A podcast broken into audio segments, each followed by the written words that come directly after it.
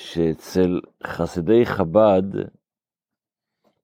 מקובל מדור דור תקנה שתיקן אותה האדמו"ר הזקן, שילמדו בכל יום פרשה מהחומש, מפרשת השבוע, וכל יום זה, בראשון זה ראשון עד שני, יום שני זה משני עד שלישי, חומש ורש"י.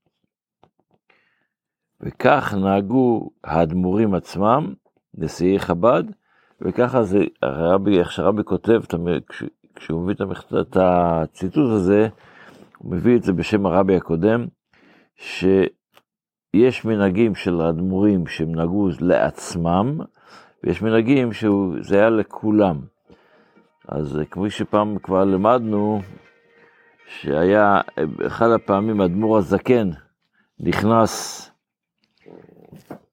למקום שהיו חסידים שם, לבית כנסת, ואמר להם, יהודים צריך לחיות עם הזמן, והם לא הבינו מה פירוש, עד שהם שאלו את האח של האדמו"ר הזקן, רבי יהודה, יהודה לייב, ואז הוא הלך לאדמו"ר הזקן ושאל אותו מה הוא התכוון בזה, אז הוא הסביר להם שיהודי צריך לחיות עם פרשת השבוע.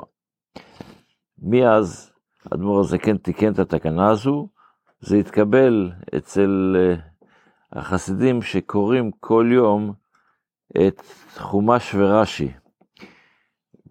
אנחנו מכירים את השיעורי חיטת, שזה שלומדים גם חומש ורש"י, אבל יש עוד תקנה, כמו למשל להגיד את התהילים היומי, ואת התניא היומי, חיטת זה ראשי תיבות, חומש, תניא ותהילים.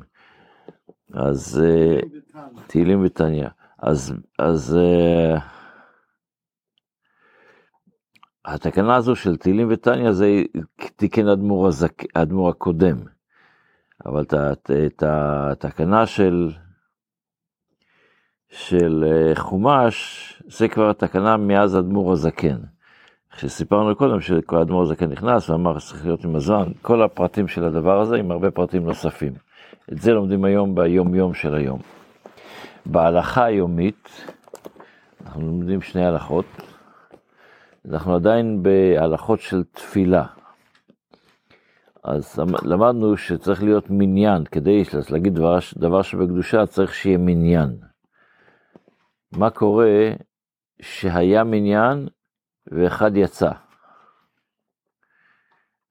אז אומרת ההלכה, אם התחיל לשליח ציבור את חזרת השץ, ובאמצע החזרה יצא אחד המתפללים ונשארו פחות מעשרה, השליח ציבור יכול להמשיך בעשרה ולהגיד אפילו את הקדושה,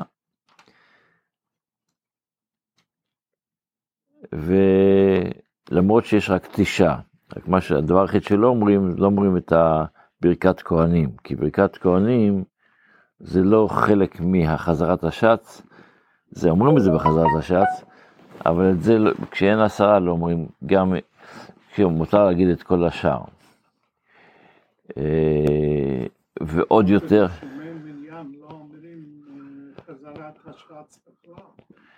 התחיל, הוא יצא באמצע. על זה דיברנו, תקשיב. ויש עוד יותר מזה, יש הרי קטע של אה, תפילת ובא לציון, ואחרי ובא לציון יש עוד פעם קדיש תתקבל. היות שהקדיש תתקבל שייך לבקשה של תפילת העמידה, אז גם אותה, גם את הקדיש שתתקבל, הוא יכול להגיד כשיש תשעה. אם הוא התחיל בעשרה ויצא אחד, אז יכול להמשיך את כל חזרת השץ וגם את הקדיש של תתקבל. כמובן שאר הדברים כמו קריאת התורה ושאר הדברים שצריך מניין, צריך מניין, אם אין מניין אז בעיה. זה מה שאומרת ההלכה, שני הלכות מדברים על ההלכות.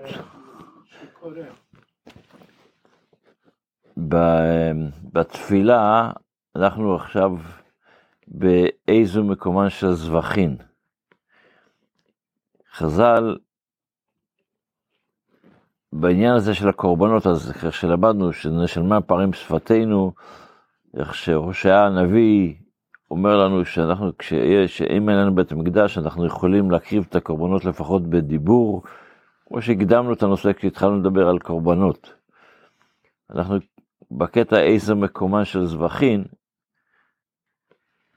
וחז"ל אומרים שלמה הקטעים הבאים, שנגיד מקומן של זבחין, ורבי ישמעאל אומר, למה בחרו להכניס אותם בקורבן? זה לא קורבנות, זה לא מדבר על קורבן תמיד. קודם למדנו על קורבן תמיד, קורבן תמיד מקריבים בבוקר ותפילת כנגד קורבנות תקנו, אז זה בסדר, אנחנו לומדים את מה ש... איזה מקומה של זבחים זה לא קשור לזה. אז חז"ל אמרו, למה עושים את זה? כי הגמרא אומרת, הגמרא במסכת קידושין אומרת, שלעולם ישלש אדם שנותיו, שליש במקרא, שליש במשנה ושליש בתלמוד. אז כל יום אתה צריך ללמוד גם תורה, גם זאת אומרת חומש, מקרא, גם אה, משנה וגם תלמוד. הוסיפו את, את, את הברייתא של אה, איזה מקום של זבחין ואת רבי ישמעאל כחלק מהשלושה דברים האלה, איך שנלמד את זה בהמשך. אבל למה בחרו דווקא במשנה הזו איזה מקומן של זבחין? כי בכל הש"ס אין מסכת או אין משנה שאין בה מחלוקות. יש שני דעות, יש דעה כזו ויש דעה הפוכה. המשנה היחידה, משנה היחידה שפרק היחיד במשנה שאין בה מחלוקות, זה איזה מקומן של זבחין. אז אה, היות שאנחנו הולכים להתפלל, ולמדנו שהתפילה צריכה להיות מתוך, מתוך אהבת ישראל, איך שחז"ל אומרים, איך שאריזל תיקן, שצריך להגיד לפני התפילה, הרי אני מקבל עליי מצוות עשה של ואהבת לרעך כמוך, אז הנה, הנה יש אפשרות שאתה יכול לקבל את הבן אדם השני בלי מחלוקות. יש מחלוקת, אבל גם כשיש מחלוקת, איך שהגמרא מספרת, כשהצורה של, ש, שלמדו תורה, אז הם נכנסים ללמוד הלכות, תמיד יש מחלוקות, אבל אינו זז משם עד שמגיעים למסקנה שאחד, יצאו כאחד, לי יש את הדעה הזו, לשני יש את הדעה השנייה במחלוקות, אבל אינו זז משם עד שנעשים אוהבים זה לזה, מבינים אחד את השני, מבינים אחד את השני, זה שלום. אז לכן חז"ל בחרו לתפילה, שיהיה לנו הכנה נכונה באותה צורה, שגם אנחנו נכין את עצמנו לכל היום באהבת ישראל מלאה, שיהיה לנו כל טוב, שבוע טוב, בשורות טובות, אמן.